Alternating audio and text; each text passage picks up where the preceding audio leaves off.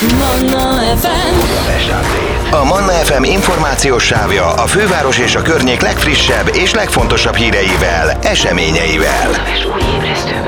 A mikrofonnál István Dániel. A Budapest update most arról, hogy a kerékpárutak használatára, a motor teljesítmény helyett a végsebesség korlátozására és a járművekre vonatkozó súlylimit mellőzésére tesz javaslatot a TIR, az elmúlt hetekben bejelentett az elektromos rollerek használatát szabályozó Kressz módosítás tervezetére reagálva. A vonalban itt van velünk Lendvai téma, a City Manager. Jó reggelt, Tíme!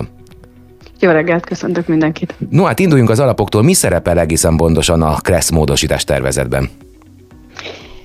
A kresszmódosítás tervezet egyelőre még nem nyilvános, tehát így, így még mi sem vettünk részt semmiféle konzultációs szakaszban. Ugyanazt, ugyanazokat az információkat tudjuk, mint bármelyik ö, hallgató, aki olvasta az újságban a, a cikket, ami megjelent Rivis Marius államtitkár nyilatkozata alapján. Akkor mik szerepelnek a TIR által előterjesztett tervezetben? Mi tulajdonképpen egy, egy állásfoglalást készítettünk arra vonatkozóan, hogy mi mit találnánk jónak, és, és a TIR számára, vagy tulajdonképpen az elektromos rollerek üzemeltetői számára mi lehetne egy olyan konszenzusos állapot, ami valószínűleg a, a jogalkotók számára is elfogadható lehet. Nyilván ezt mi a saját tapasztalataink alapján készítettük, a saját nemzetközi tapasztalataink alapján. Tulajdonképpen ez egy ez egy elég érdekes kérdés, mint bizonyára mindenki tudja, ez egy elég friss innováció. Körülbelül öt éve léteznek elektromos rollerek a világon mindenhol. Tehát az, hogy a, a jogalkotók szembesülnek azzal, hogy itt szabályozási rendszert kell kialakítani az elektromos rollerek számára, ez egy, ez egy Hát tulajdonképpen egy, egy elég hot topic, forró téma, ami nagyon nagy nyomást helyez a, a jogalkotókra, mert valahogy rövid, tá- rövid időn belül, de meg kell oldani a szabályozásnak a kérdését. Természetesen mi, mi ezt nagyon támogató hozzáállással kívánjuk segíteni, már csak azért is, mert tudjuk, hogy minden országnak a jogalkotói és minden városi jogalkotó keresztül megy ezen a, ezen a nagyon nehéz helyzeten, és ezért igyekszünk megosztani azokat a nemzetközi tapasztalatokat, amit 220 városban már megszereztünk, tehát mi több ilyen jogalkotásban vettünk részt, mármint a mi alatt a dírt értem, mint nemzetközi vállalatot, és, és tudjuk, hogy mi, mik a jó gyakorlatok, és mik a kevésbé jó, jó gyakorlatok. És ezt próbáltuk, vagy ezt szeretnénk tulajdonképpen, hogyha be, tud, be lehetne csatornázni a, a magyarországi jogalkotók körébe. Beszélgettünk már korábban is, arról esett szó akkor, hogy a TÍR ugye a tervezett módosítás előtt is már figyelembe vette ezeket az elvárásokat, úgyhogy ezt nem szabályozták központilag. De itt három különböző dolgot említettem, ugye e, itt volt például a végsebesség korlátozása, a súlylimit, illetőleg e, mi is volt a harmadik? A teljesítmény. Igen, igen. Maximális na, teljesítmény. Ezekről, ezek, igen? ezek tulajdonképpen összefüggő dolgok. Eh, ahogyha vannak országok, amik súlylimittel próbálják ezt szabályozni, eh, Nekünk ezzel kapcsolatban az a tapasztalatunk, hogy ha túlságosan alacsony súlylimitet határoznak meg, az tulajdonképpen a biztonságos közlekedés irány nem a biztonságos közlekedés irányába hat, hanem pontosan kontraproduktív, mert ugye minden olyan eszköz, ami, tehát például Lengyelországban 30 kilóra van meghatározva ez a súlylimit, ez azt jelenti, hogy a leginnovatívabb, legbiztonságosabb eszközeinket például a lengyel piacra nem tudjuk vinni. Az az oka, hogy az tulajdonképpen ezek az eszközök, ahogy fejlődnek, ahogy egyre biztonságosabbá válnak, kerülnek bele olyan alkatrészek, aminek nyilván súlya van. Valamint, ami eh, szintén érdekes és megfontolandó, az az, hogy, hogy a eh, fenntartható fejlődés irányába ható újítás az az, hogy, ugye elektro, eh, hogy ezeket az elektromos rollereket cserélhető akkumulátorral szerelik fel. Ezeknek az akkumulátoroknak a súlya több mint 6 kg, minimálisan több mint 6 kg. Ez teszi azt lehetővé, hogy zöld irányba ható üzemeltetést tudjunk végezni. Tehát, hogyha nem kell a rollereket ugye összeszedni, Budapesten szerencsén, Budapest ebből a szempontból nagyon szerencsés helyzetben van.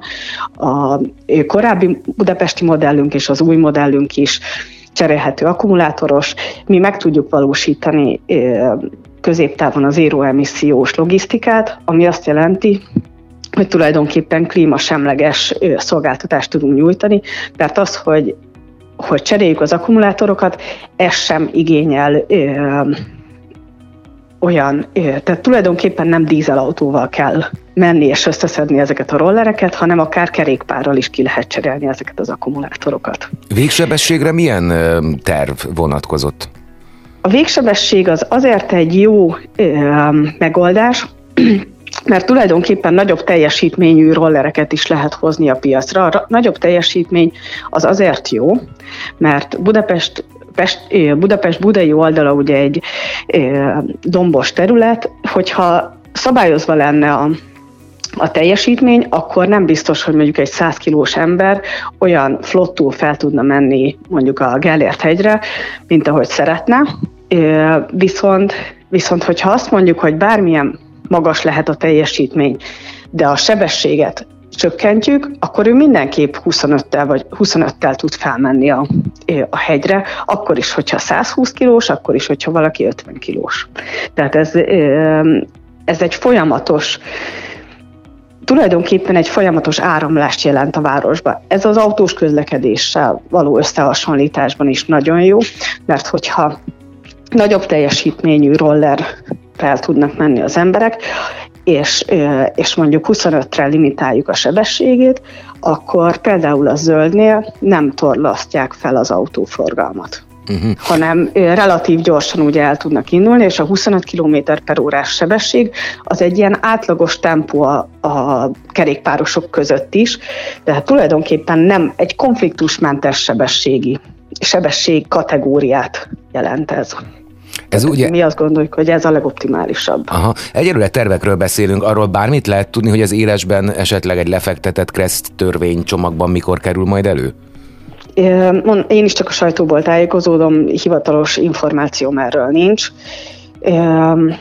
Szeretnénk, hogyha ez minél hamarabb elő tudna, hogyha ezt minél hamarabb tulajdonképpen törvénybe lehetne foglalni, mert ez, ez szerintem egy olyan helyzet, ami senkinek sem jó. Nyilván nem jó a felhasználóinknak, nyilván nem jó nekünk, nyilván nem jó a, a jogalkalmazóknak, senkinek. Tehát hogyha, hogyha itt konszenzusra lehetne ebben jutni, hogy akkor milyen besorolást kapjanak az elektromos rollerek, az lenne mindenki számára a legtisztább helyzet, és mi is ezen vagyunk, hogy ezt tudjuk segíteni ezekkel a támogató gondolatokkal. Roller felhasználás tekintetében egyébként Budapest mennyire roller kedvelő város?